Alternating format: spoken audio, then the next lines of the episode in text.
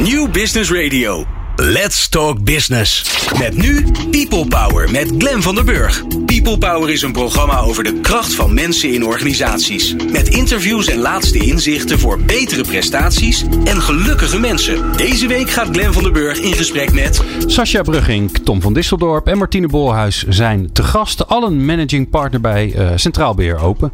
De AOW-leeftijd is gestegen, kennis veroudert sneller. We vergrijzen en ontgroenen en dat allemaal tegelijk. Duurzaam inzetbaarheid staat hoog op de HR-agenda. Elk jaar weer overigens, dat is al een tijdje zo. Ja, welke vragen spelen er eigenlijk op het gebied van duurzame inzetbaarheid binnen organisaties? We hebben al flink wat uh, afleveringen gemaakt samen met Centraal Beheer over duurzame inzetbaarheid.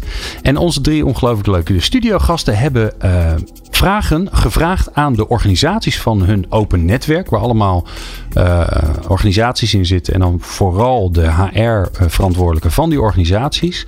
Van ja, wat zou je, waar zit je mee? Welke vraag zou je ons willen stellen over duurzame inzetbaarheid?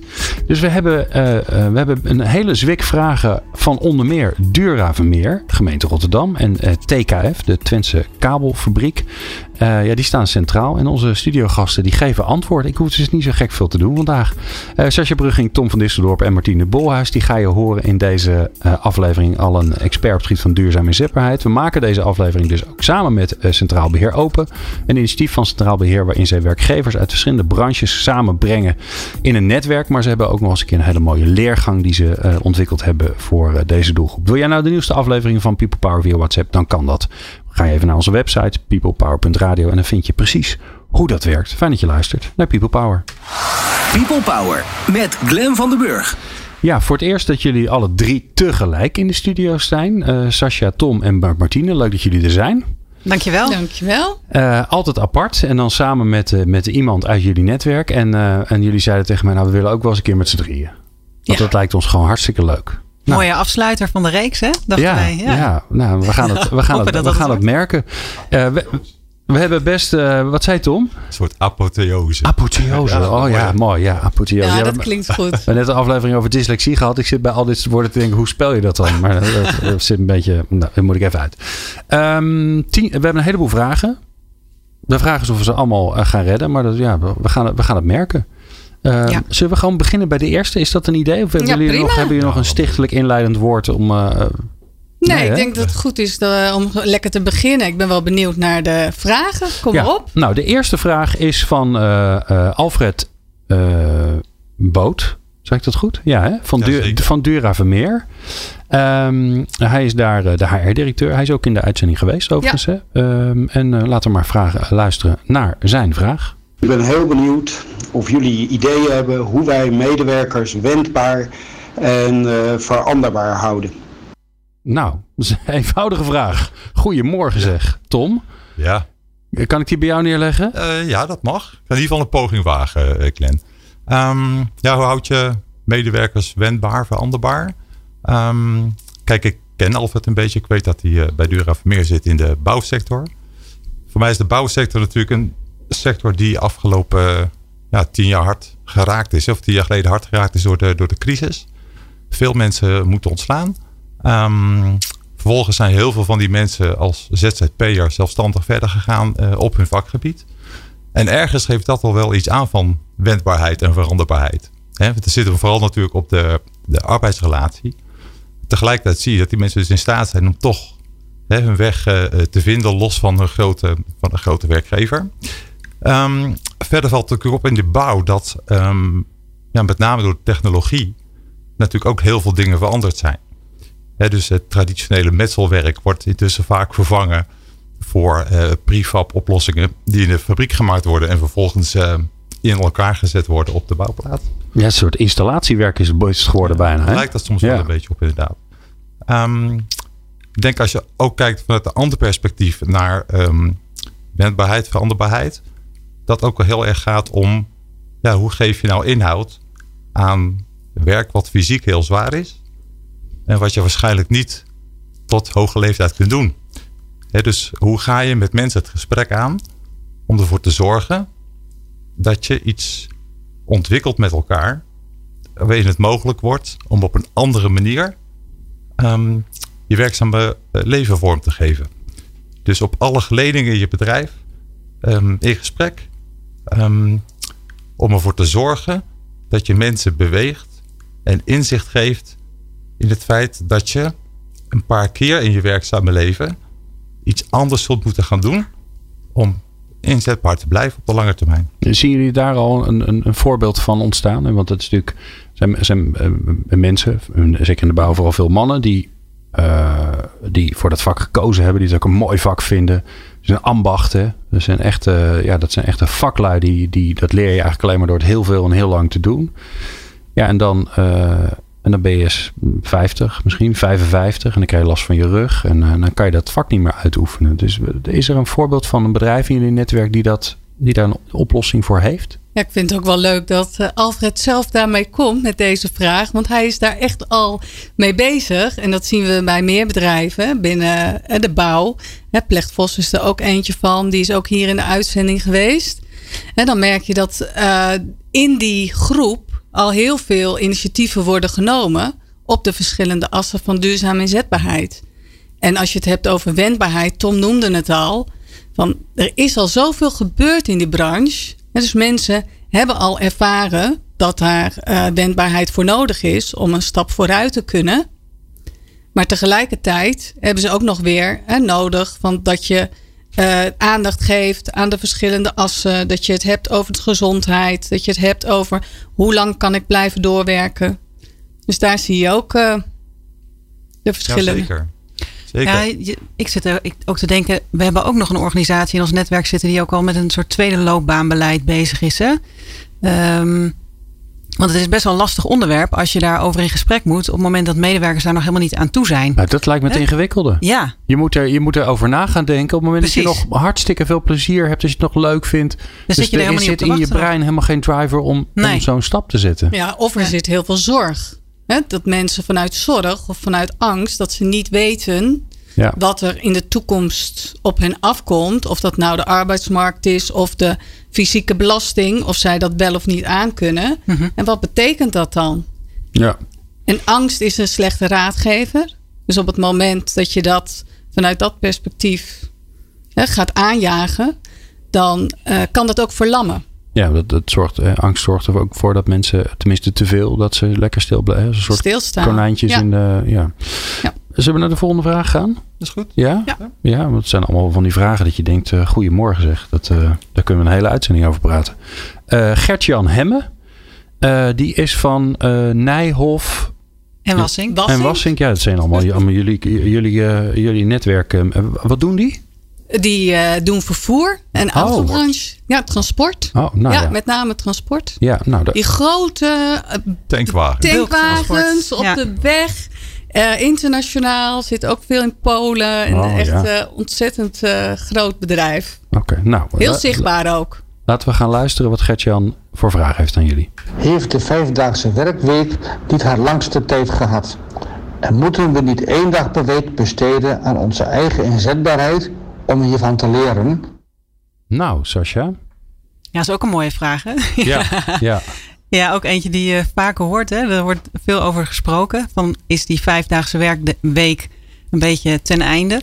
Ik, uh, ik denk eigenlijk vanuit twee perspectieven interessant. Aan de ene kant, uh, wat we veel horen, hè, dat je tijd moet en ruimte moet inregelen om te kunnen ontwikkelen. Dus ontwikkeltijd koop je ermee als je wat teruggaat in werktijd. En aan de andere kant ook wel het verminderen van de werkdruk. Want dat is zo'n andere, hè? dat uh, continu maar aanstaan en stress wat dat oplevert. Dat is ook niet goed. Je hebt tijd nodig om te kunnen ontspannen.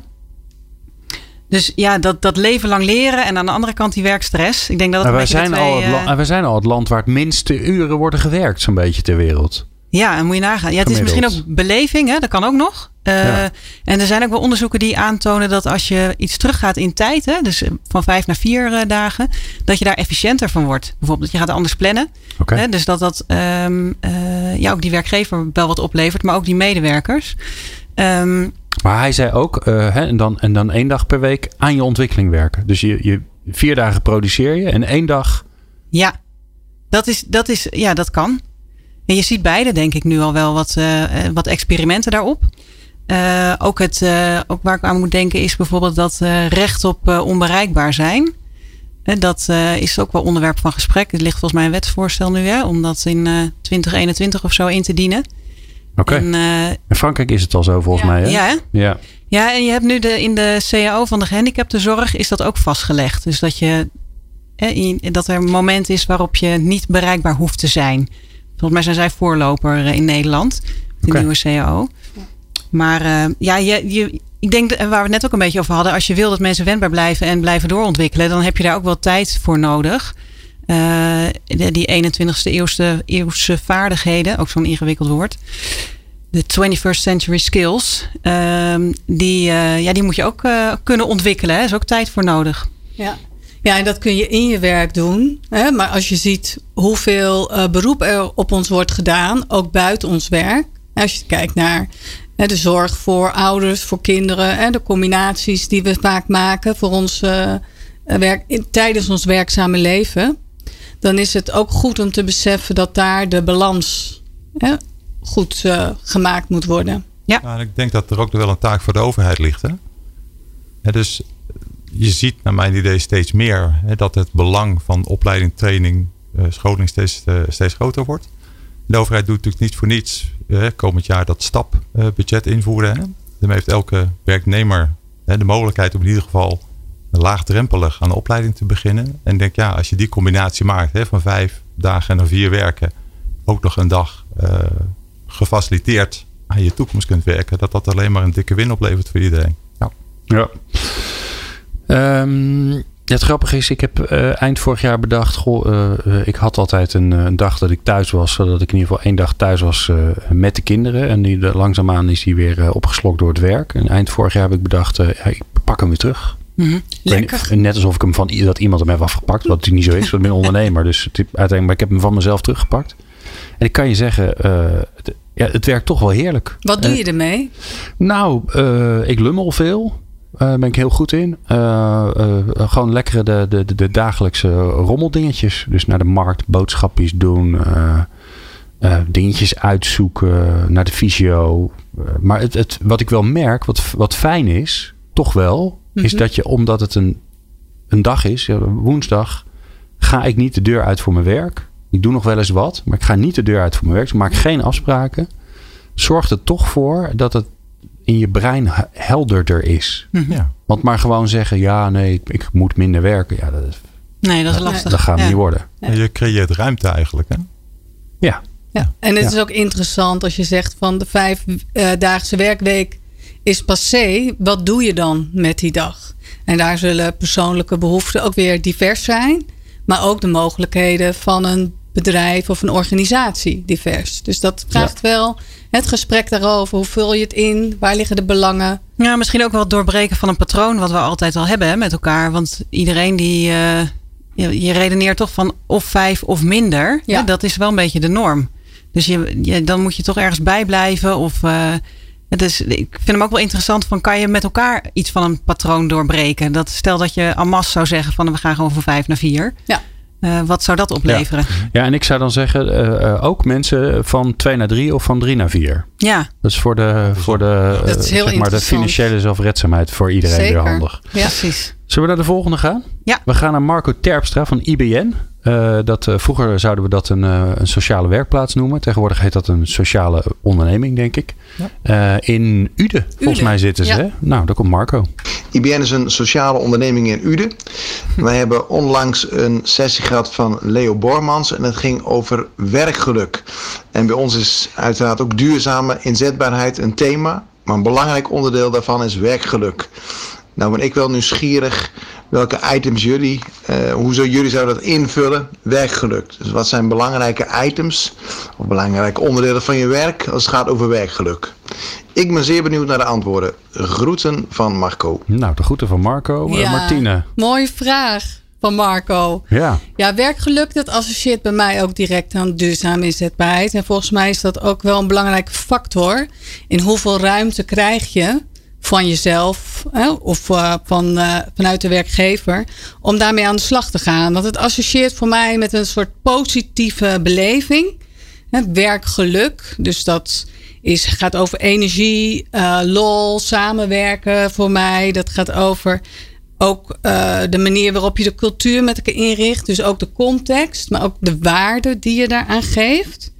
En als ik dan kijk naar de elementen die dan relevant zijn, dan moet je meer denken aan zingeving, autonomie, vitaliteit, uh, relaties, maar ook de persoonlijke groei. Dus hoeveel aandacht mag je daaraan geven? En is daar ook sprake van uh, binnen jouw werk? Dat zijn ook de bronnen om uh, werkgeluk te ervaren. Dat zie je ook in de, in de onderzoeken terug. Uh, wat ik daarbij belangrijk vind in organisaties is dat je kunt beïnvloeden op uh, samenwerken en leiding geven. En als je dan kijkt naar uh, hoe gaan wij als bedrijf hè, naar de we noemen het stip op de horizon. En Marco, die sprak ik daar laatst over. Die vertelde: Ik heb het altijd over de streep aan de horizon. En dat vond ik ook wel weer een hele mooie metafoor. Als je het hebt over purpose. Van waar ga je naartoe? Soms weet je niet direct die stip, maar je weet wel die streep. En dat kan je helpen om vooruit te kijken met elkaar. Geeft mij dat voldoende zin hè, om daaraan uh, aan mee te werken?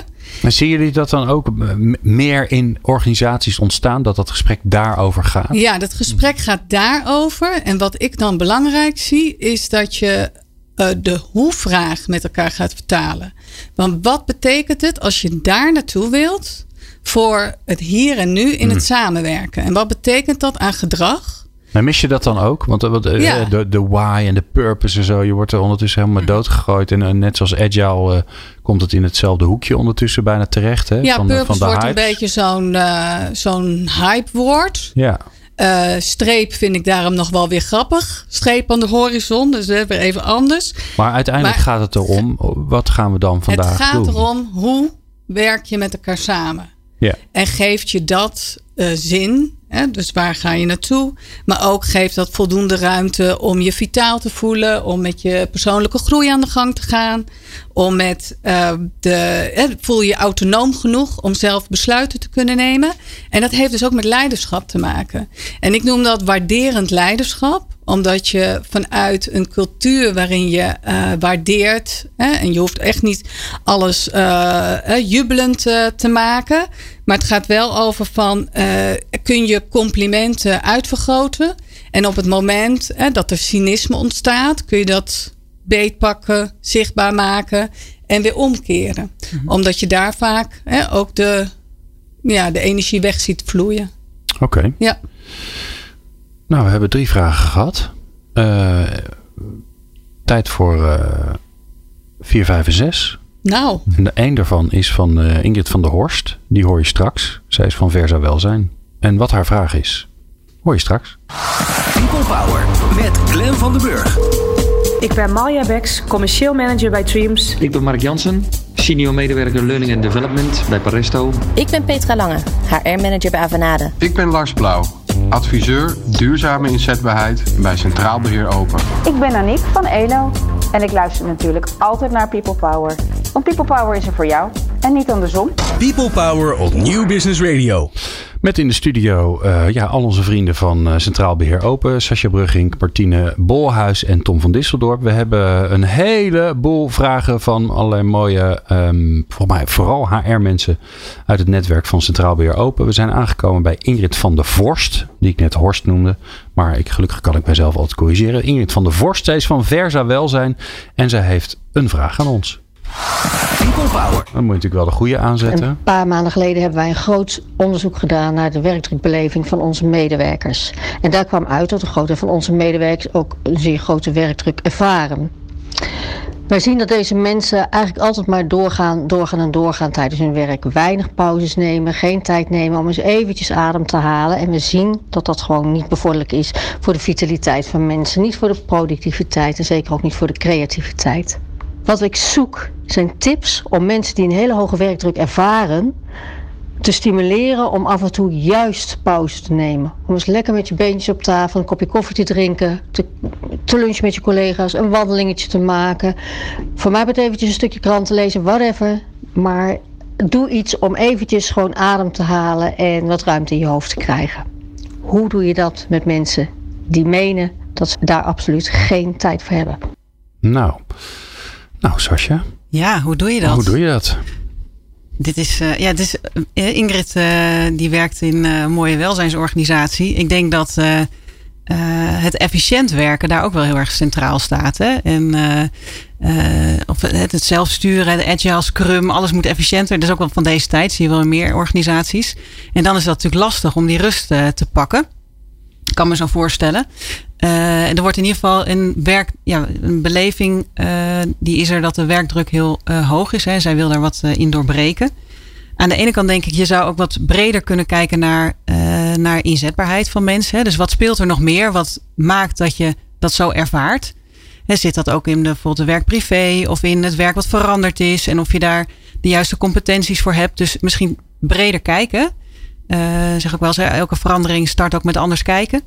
Dus, um, uh, maar zeg je daarmee de, de, de, de feedback die je krijgt over het is druk, we hebben nooit eens een keer tijd om. Het ja. is ook een signaal. Zou ik, kan een signaal kan voor een iets signaal anders zijn. Ik zou het in ieder geval onderzoeken van waar zit het hem nou precies in? En is dat alleen wat er daadwerkelijk op dat werk gebeurt? Hè? Bijvoorbeeld door dat je inderdaad met elkaar vindt dat je heel efficiënt moet werken. Zit het in de cultuur? Hè? Wat, hoe wordt er gekeken als jij pauze neemt? Uh, en, en ze willen het hè, natuurlijk goed doen voor de doelgroep voor wie ze uh, werken. Dus iedere moment dat jij een wandelingetje gaat maken, gaat ten koste van iemand anders. Dat lijkt me heel ingewikkeld. Hmm. Dus maar hoe wordt dat geframed? Dus misschien moet je dat ook anders framen, die tijd. Hè? Ik kwam net al, jij noemde net lum, het lummelen eigenlijk, de lummeltijd. Dat zou, kan je zien als een soort van verloren tijd. Maar je kan het ook zien als een moment van even je, je hersenen weer rust geven uh, om vanuit ontspanning uh, creatiever te kunnen denken straks. Uh, meer, met meer aandacht misschien je werk daarna te doen.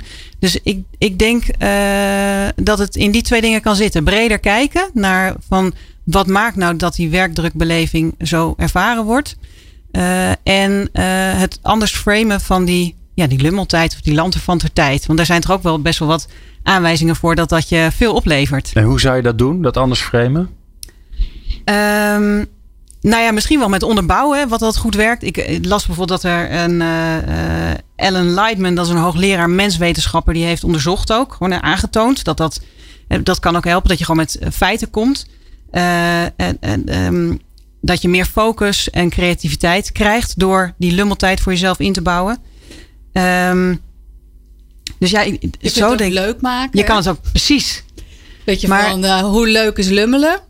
Maar misschien ook wel met elkaar bespreken. Van wat vind je nou uh, ervan als je collega inderdaad zo'n moment pakt? Ja. Uh, wat is de beeldvorming daarover? Of is het eigenlijk zo dat je met elkaar vindt dat je toch die aandacht moet besteden aan uh, de mensen voor wie je werkt? Ja. Je zou eigenlijk, uh, ik een beetje raar wat er in mijn hoofd zit, maar eigenlijk um, dat mensen roken is natuurlijk heel slecht. Mhm. Het voordeel is dat je een natuurlijke aandrang hebt om om de zoveel tijd even uit je werk te stappen en even frisse neus te halen. Het is alleen niet zo fris. Dus je zou eigenlijk mensen moeten laten roken zonder dat ze een sigaret opsteken. Ja. ja. Nou, en ook waarderen. Dus waarderen dat iemand naar buiten gaat. Hé, hey, wat goed. Lekker wandelen. Goed Ja, idee. Ja. Ja. In plaats Maar je van. zou eh, ook wel eens heel goed kunnen kijken naar van, joh, hè, binnen je team, wat doen wij nou allemaal? En doen we nou de dingen die ook heel erg bij ons passen? Want het kan best zijn dat hè, iets wat je moet doen, wat voor jou heel erg belastend is, hè, jouw collega dat fantastisch vindt om te doen. Hè? Je zou Ja, heel goed in je team kunnen kijken, kun je nou dingen anders verdelen? Ja. En vooral ook het gesprek erover hebben met elkaar. Ja. En los het Ja, en vooral dat doorvertalen in, denk ik, waar je eh, elkaar op afrekent hè, of op beloont. Eh, dus dat je niet alleen met elkaar verhaal maakt op van we vinden dit belangrijk, maar dat ook in alles doorvertaalt. Zodat het niet is van een goed idee, maar in die end word je toch Ja. eh, beoordeeld op dat je eh, je Ja. tijd niet pakt. En ik zou het eh framen op energiegevers. Dus Ja. wat geeft nou energie waardoor jij daarna weer fris aan de slag kunt en energie hebt voor de mensen met wie je werkt. Precies. Dus dat, eh, Ja. Dus er zou, ook, hè, als je uren schrijft, zou er een uur, uurcode moeten zijn. En daar Ja, moet op gerapporteerd dat. worden. En als er te weinig gedaan wordt, dan moet er iemand op Ja. aangesproken Ja. worden. Ja. je hebt te weinig gelummeld. ja. Precies. Ja. Waar is jouw lummeltijd? ja. Hoe zit het met jouw creativiteit vandaag? Creativiteit.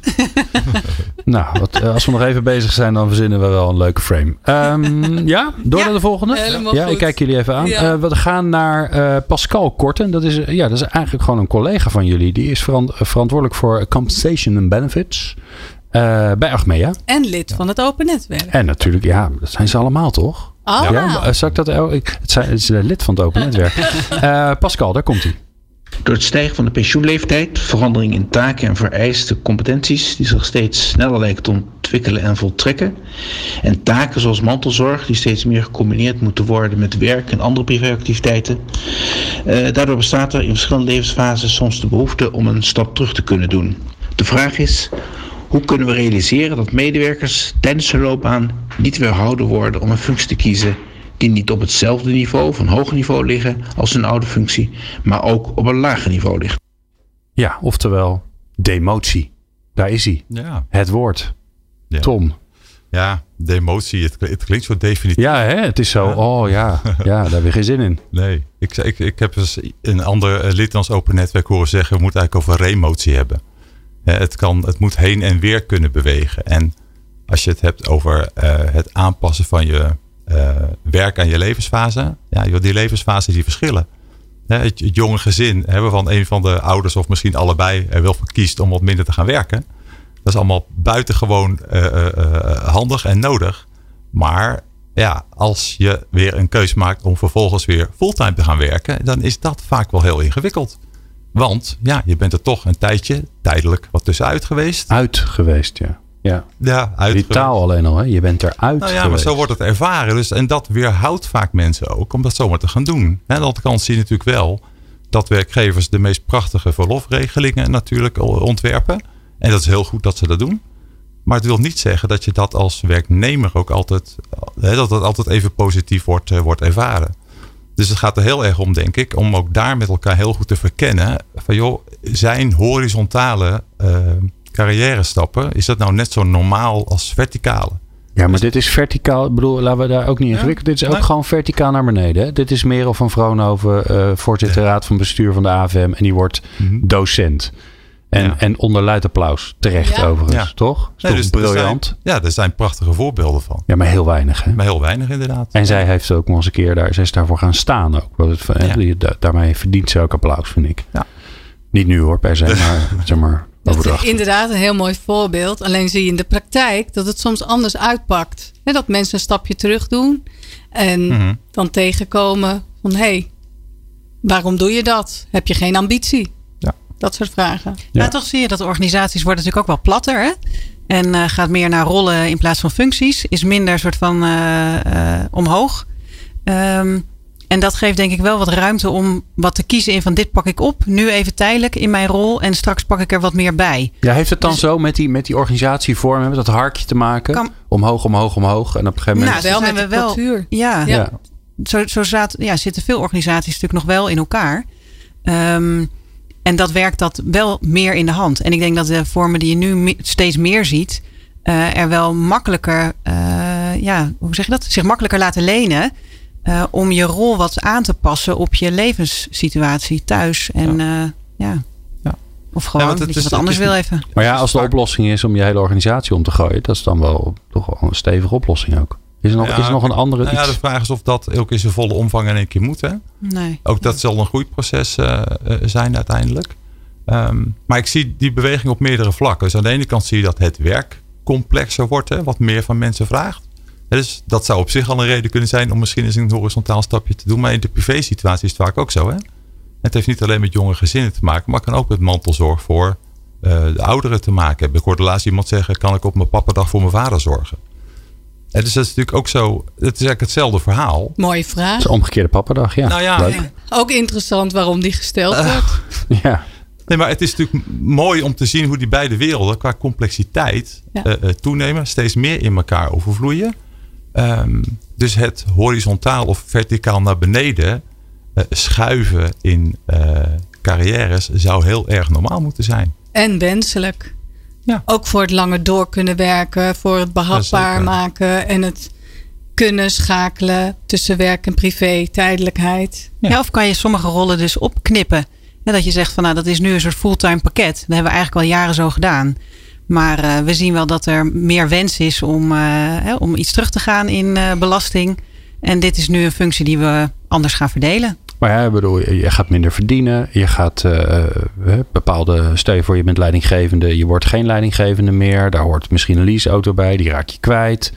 Eh, als je, weet ik veel, in de buitendienst werkt, uh, Helemaal dan krijg je je, je toeslagen, die ben je kwijt. Ja, je, zeg. En pensioenopbouw. Eh, dus de consequenties zijn daar ook. En daar moet je ook gewoon wel helder over zijn met elkaar. Want die zijn er op dit moment.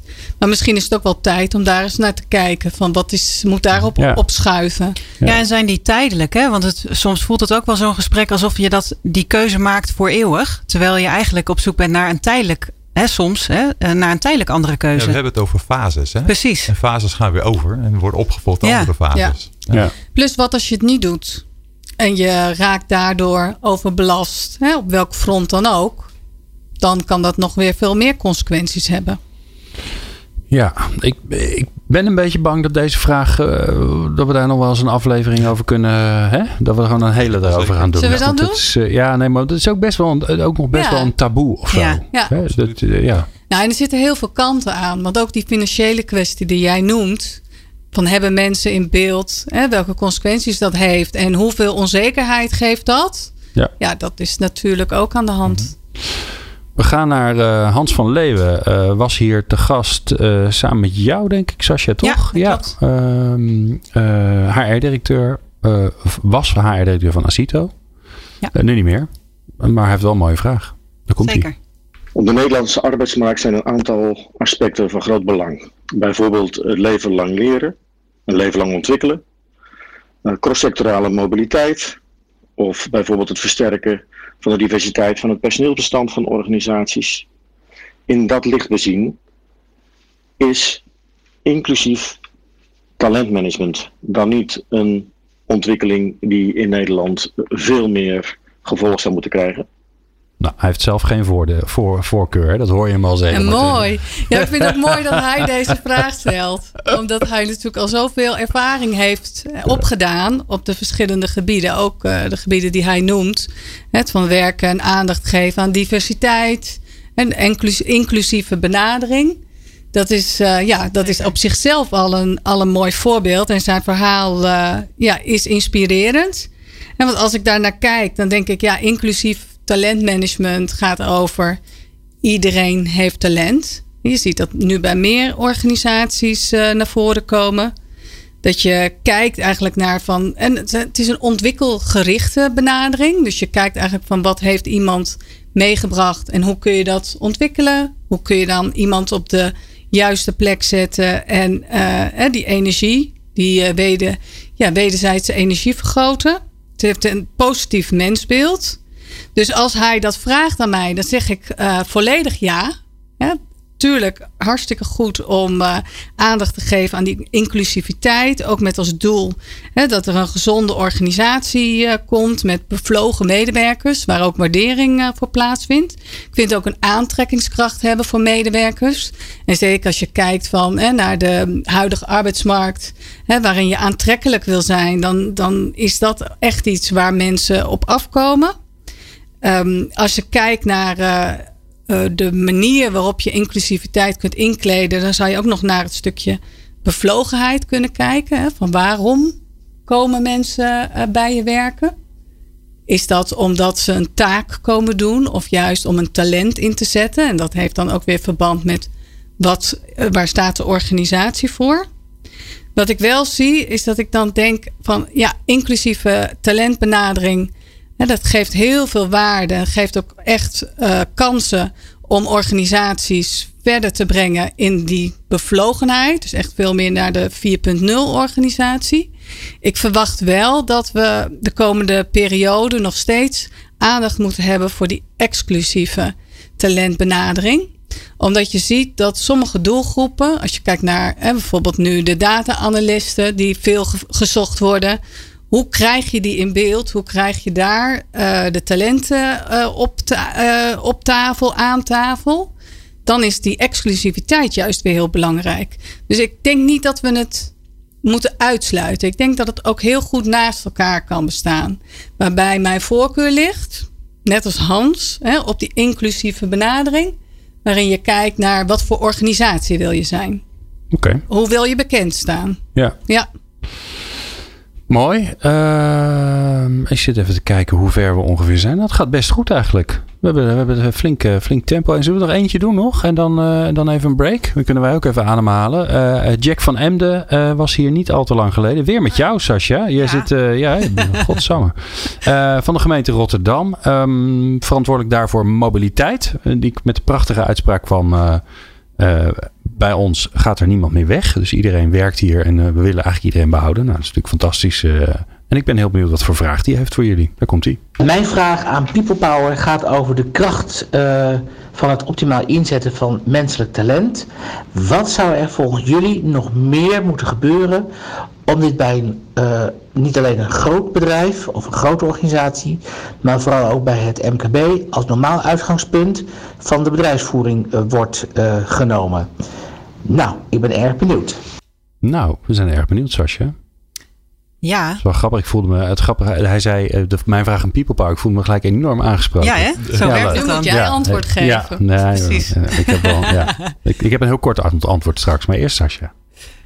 Eh, nou ja, hij maakt eigenlijk een soort van onderscheid. Hè? Grote organisaties en MKB. En ehm, als ik dan naar talentmanagement eh, kijk, dan zie je in veel grote organisaties natuurlijk hele grote programma's. En eh, het is iets, vaak iets meer op afstand. Eh, en in kleine organisaties, kleinere organisaties, is er denk ik meer ruimte om experimenten te doen. Ik kan me ook voorstellen dat, ehm, eh, dat je ja, dat, dat een soort van brede inzetbaarheid mogelijk is, zodat je minder specialisatie hebt in rollen. Ehm, en eh, een andere is misschien ook dat het, je ziet ook wel, in sommige grote organisaties heb je natuurlijk specialisten voor, hè, dus die zijn van talentmanagement. En eh, dat is niet altijd zo in een kleine organisatie. Dus dan is de vraag hoe het op de agenda staat. Eh, dus ja, beide hebben zo hun mogelijkheden en beperkingen, denk ik. Hè? Maar ik denk ehm, dat, het, ja, dat, dat een soort van vraag die erboven ligt, is van hoe wordt er nou überhaupt naar talentontwikkeling gekeken in, eh, in organisaties? En ehm, of je dan een grote of een kleine organisatie bent, dan eh, gaat het er denk ik om in deze huidige tijd om voor je mensen een soort van ja, eh, hoe noem je dat? Relevante, zingevende beelden te schetsen. Van waar gaat onze organisatie naartoe?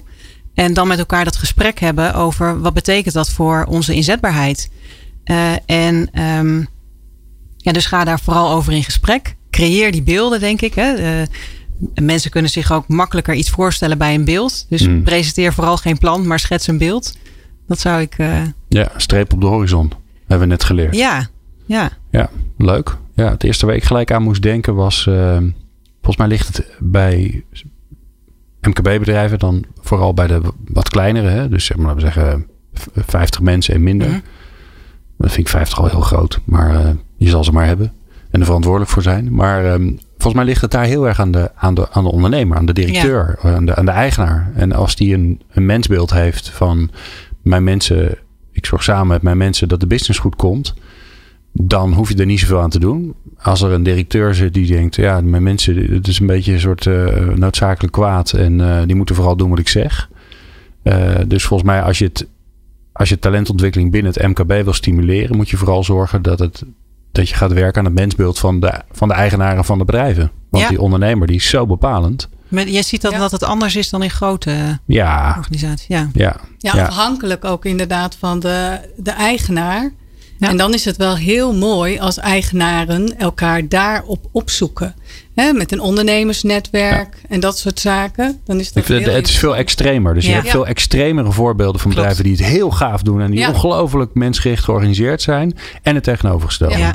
Waarbij je direct ziet op het moment dat het mensgericht georganiseerd is, dat er veel meer energie vrijkomt naar de buitenwereld. Hè, dat mensen aangeven van het is hier ontzettend gaaf om te werken. Dat is echt een verschil. Ja. Ja. Eh, straks eh, nog meer vragen in het laatste gedeelte. Eh, waaronder eh vraag van eh, Waldo Konsen. En het leuke is wel dat Waldo was hier als, eh, als HR-directeur van een ander bedrijf dan wat hij nu is. Dus ik ben heel benieuwd naar zijn vraag. People Power met Glen van der Burg. Meer luisteren? people-power.nl Ja, we, hebben, we gaan in een soort sneltreinvaart door allemaal uh, mooie vragen heen van leden van het uh, Centraal Beheer Open Netwerk. Die allemaal uh, interessante vragen hebben. Ik vind het wel ook wel interessant voor, aan de luisteraars om, op te, om te vragen van, goh, is dit nou is dit een leuk format? Want als het een leuk format is, dan moeten we daar misschien volgend jaar maar mee verder gaan. Toch? Ja, dus ja, als, we blijven als, als, je dit hoort en je denkt, nou, ja. ik vind het vreselijk, laat het weten. En als je denkt, nou, dit is fantastisch. Alleen we hebben meer tijd nodig, minder vragen, meer vragen. Of ik heb ook een vraag. Of ik heb ook een vraag, mag natuurlijk altijd. Dan uh, kun je die natuurlijk stellen via onze WhatsApp-service. Die weet je te vinden via onze website pupilpower.radio. Nu komt de vraag van Waldo Konsen. Was uh, eer in de studio, maar heeft ondertussen een andere baan bij TKF. En dat staat volgens mij voor de Twentse Kabelfabrieken. Ja, hè? Ja. Ja, oké. Okay, daar komt hij. Mijn vraag voor jullie is: hoe zorg je ervoor dat veranderen, in mijn optiek de enige constante factor, door de mensen wordt omarmd? Dat ze zich bewust worden van het feit dat veranderen onoverkomelijk is. Daar zou ik graag een antwoord op willen hebben. Nou, Martine. Oh, wauw. Even met het magische stokje. Hoe? Omarmen. Ja. Ja. Omarmen vind ik wel echt een heel mooi woord. Dat je het omarmt. Het staat voor mij ook van ervan houden. Hè? Het uh, koesteren. Uh, dus het echt leuk vinden. En uh, ervan zijn. Mm. Ja. En ik moest daar denken aan de 2 keer 4 methodiek, zoals Zeker. ik het noem. Ja. Wat is de 2 keer 4 ja. methodiek, Martine? Dat is het volgende. Dat zijn 2 keer 4 elementen. De eerste gaat over vertrouwen. Okay. Die heb ik al eerder genoemd. Het gaat over zelfvertrouwen. Hè, hoeveel vertrouwen heb je zelf in jezelf? Kun je de dingen aan die uh, de verandering die tegemoet gaat? Heb je al een keer ervaren dat als er iets groots verandert, dat je dan toch weer door kunt gaan. Vertrouwen in de, je leidinggevende. Dat gaat meer over de relatie. Vertrouwen in uh, de organisatie. Dat is een hele belangrijke. Als de organisatie aangeeft, wij gaan een bepaalde kant op. Of wij staan voor een bepaald leiderschapsmodel, manier van samenwerken. Dat het ook zichtbaar is. In houding, in gedrag dat de taal hetzelfde is en consistent. En vertrouwen in uh, de arbeidsmarkt en uh, sociale zekerheid. Dat zijn die eerste blokken, want dat gaat over jezelf. Dus de eerste keer vier? Dus de eerste keer vier. Oké. Okay. Ja. Dus daar uh, kun je naar kijken als organisatie. De tweede keer vier gaat veel meer over het DI-model. Wat we vanuit Centraal Beheer ontwikkeld hebben samen met een aantal partners. En wat we daarin zien zijn vier assen. En dat gaat over gezondheid, over werk en privé, over leren en ontwikkelen en over mobiliteit. En je ziet dat als uh, mensen op een bepaalde as iets minder comfort hebben, bijvoorbeeld dat er heel veel aan de hand is in de werk-privé sfeer, dat het moeilijker is om aan die andere assen te werken. Dus op dat moment om met mobiliteit aan de slag te gaan. Dus veranderbaarheid, hè, of het, het gevoel hebben van ik durf te veranderen, heeft wel met die elementen te maken. En voor mij is het allerbelangrijkste dat uh, leidinggevenden, maar ook medewerkers met elkaar daarover het gesprek voeren. Dat kun je faciliteren. Want, dan, maar dat kun je als iemand dan doen. niet aan het veranderen is, dan snap je ook beter waarom dat is. Waarom dat want als is. die bijvoorbeeld in scheiding ligt of Ja. uh, zijn kind is uh, ernstig Ja, ziek. of financiële situatie is slecht. En dan kun je het daarover hebben. Want soms, als je het bespreekbaar maakt, is er echt wel wat mee te doen. Of tijdelijk niet. Hè, dat je zegt van oké, tijdelijk even niet. We gaan jou supporten in deze tijdelijke situatie. En daarna weer de slag maken. Ja, ik Ja, vind, die twee keer vier methodiek omhelst ook eigenlijk alles waar het over zou moeten of kunnen gaan of zo. Dus er zit eigenlijk alles in Ja, wat je bespreekbaar kunt en moet maken, denk ik. Ja. Ja. ja, mooi. Mooi handvat. ja. Ehm, we hebben nog twee vragen. Dat gaat goed, jongens. Ik, vind, ik had van tevoren namelijk tegen deze drie helden gezegd: moet je niet doen. Tien vragen is veel te veel. Ga je niet redden. Maar ze gaan het gewoon redden. Hè, zo zie je maar weer. Je moet vooral niet heel, al te veel naar mij luisteren. We gaan naar eh, Bas Niezing. Die is van eh, Zeender. Eh, ja, ja, dat is hij. Eh, Tom, volgens mij eh, moet jij vooral opletten. Want jij gaat hem beantwoorden. Het is wel handig om dat van tevoren te weten. Oh, hè? Ja, dus jij moet extra goed luisteren. Dat komt Oké. goed. Een actueel thema waar wij heel erg mee bezig zijn, dat is, is performance management. En als je dan kijkt naar de, naar de zeendeorganisatie in, in Zwolle, dan hebben we een heel verschillende groep mensen. Waar wij als HR heel erg tegenaan lopen is hoe gaan we nou performance management op een manier inrichten die leuk is, die toekomstbestendig is, die makkelijk te administreren is en um, die eigenlijk voor iedereen werkt. Nou, dat is een eenvoudige vraag. Hè? Ja, de makkelijkste ja. tot nu toe. Ja. Leuk, toekomstbestendig en makkelijk ja. te administreren. Dat zijn de, de specs. Ja, nou ja, wat het meest uh, makkelijk is aan deze vraag, is dat uh, ongeveer iedereen het erover eens is dat de huidige bestaande methodiek rond performance management nou niet leidt tot grote blijdschap. Hè, drie keer per jaar het gesprek en het uh, eindejaars of het veroordelingsgesprek, hè, zoals het wel eens werd genoemd, daar wordt niemand echt blij van. Um, dus er is brede behoefte aan iets nieuws. En er zijn steeds meer bedrijven die ermee, uh, die ermee experimenteren eigenlijk. Ach, Mea ook, hè, dat weet je. Um, ja, mooie uitzending over gemaakt. Best, ja, best en, beluisterde aflevering tot nu toe dit jaar. Ja, en het blijkt dat het niet alleen binnen het open netwerk, maar dat het in heel Nederland een thema is wat enorm um, de aandacht vraagt op dit moment. En wat je eigenlijk wel ziet als rode draad, is dat al die bedrijven um, er eigenlijk ook wel unaniem over eens zijn dat je, je weet niet waar je uh, gaat eindigen straks. He, we hebben daar nog helemaal geen uh, know-how en uh, kennis op. Maar wat we wel weten is dat het een soort van organisch proces is. Waarbij je met elkaar gaat kijken van joh, wat is er nou nodig? Waar heeft onze organisatie nou echt behoefte aan? En dat is voor elke organisatie verschillend. Dus voor elke afdeling verschillend. Voor elk team is dat verschillend. Dus wat wij bij Achmea hebben gedaan, en dat heeft heel goed gewerkt, is vooral die kleinschalige experimenten en pilots op gaan starten. Om ervaring op te doen en kijken of je daar volgens een rode draad uit kan uh, vinden. Wat je een beetje gevoel geeft en houvast geeft bij joh, welke kant zou het nou op moeten. Als je in datzelfde proces in staat bent om uh, medezeggenschap en HR en al die andere afdelingen mee te nemen, dan creëer je ook een stuk draagvlak van waaruit je vervolgens een nieuw systeem, als je het zo zou willen noemen, uh, zou kunnen gaan uh, opbouwen met elkaar. Um, maar dat doe je niet op een zaterdagmiddag. Dat heeft veel tijd nodig en vraagt veel geduld en vooral veel doorvragen en proberen te ontdekken waar het over moet gaan. Ja. Ja, en uiteindelijk uh, het korte antwoord is uh, niet meer doen. Toch? Ja. Nou ja, en ophalen waar wel behoefte aan ja, is. Hè? Bas die heeft natuurlijk een hele diverse ja. doelgroep.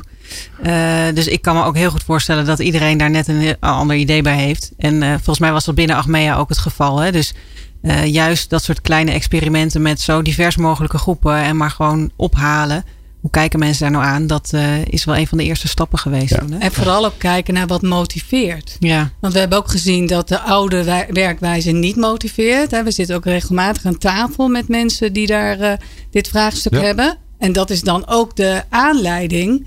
Van hey, we zien dat mensen eigenlijk meer afhaken op die eindbeoordeling. Dan dat ze weer met frisse energie het volgende jaar ingaan. Ja. En daar moet je naar kijken. Ja, ja ik vind het wel een interessante vraag.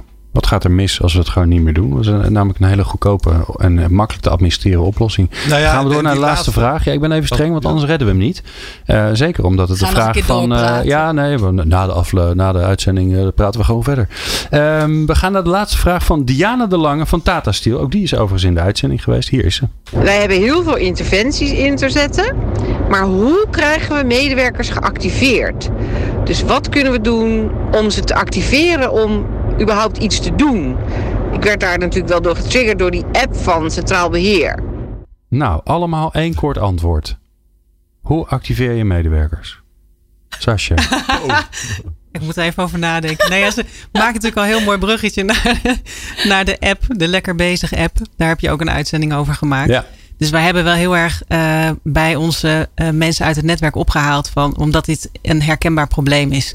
Ja, dus hoe activeer je dan? Dus met hun samen gecreëerd van uh, wat zou het dan moeten zijn? Wat is er nog niet? En waar kunnen we bij helpen? En daar is die, die app uit, onder andere een app uit voortgekomen. Maar, ja, het is, maar het meer, is dan meer dan, dat. Ja, ja, dus je ziet Tom. dat het in de combi. Oh, sorry. Ja, je ziet dat het heel erg in de combi van dingen zit. Dus dat is ook niet soort een één antwoord. Um, maar je moet wel goed Nee, maar het zijn tips, hè? Het dus iedereen tips. snapt dat het niet de, niet de golden ja. de silver bullet is of de kip met het gouden ei of Nou. een andere beeldspraak. Nou, Tom, wat nog meer? Um, hoe bedoel je wat nog meer? Nou ja, je kan een app, je kan jullie mooie app gebruiken, Ah, dat helpt. Het was niet alleen een app, zei hij. Nee, jij zei het was niet alleen een app. En dan Nee, denk ik, nou, wat is- dan nog meer? Ja, het is, het is veel, veel meer dan dat. Want hè, uh, uh, iemand een, vo een, een, voetbal geven wil niet zeggen dat hij meteen kan voetballen. Ja, dus je hebt, er is meer nodig dan, uh, dan dat. Uh, onder andere uh, een goed gesprek, als je het al, alweer zo mag noemen, met de leidinggevende. Mensen moeten ook snappen waar het over gaat. Je gaat niet zomaar iets doen als je niet weet waar het, hè, waarom je dat doet of waarvoor je dat zou moeten.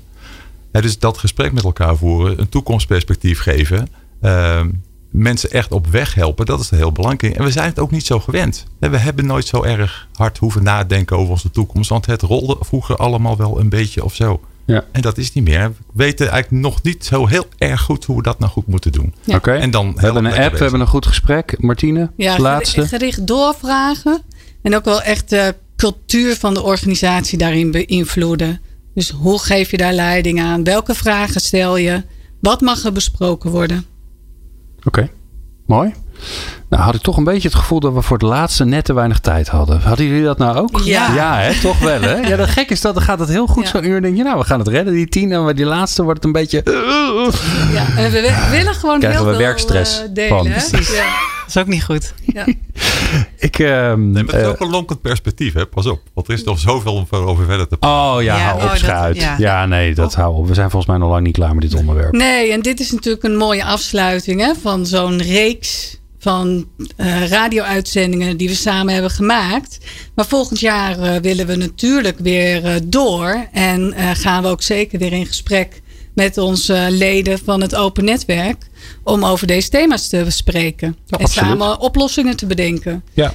En wat ook eh, speelt volgend jaar is niet alleen samen innoveren, maar ook samen kennis ontwikkelen. Dus daar beloof ik ook nog wel wat. eh, Spanning en daarvoor moeten we wachten tot 2020. 20 Ik wil jullie en in ieder geval heel leuk om jullie nu met z'n drieën in de studio te hebben. Dus dankjewel Tom, Sascha en Martine eh, dat jullie er waren.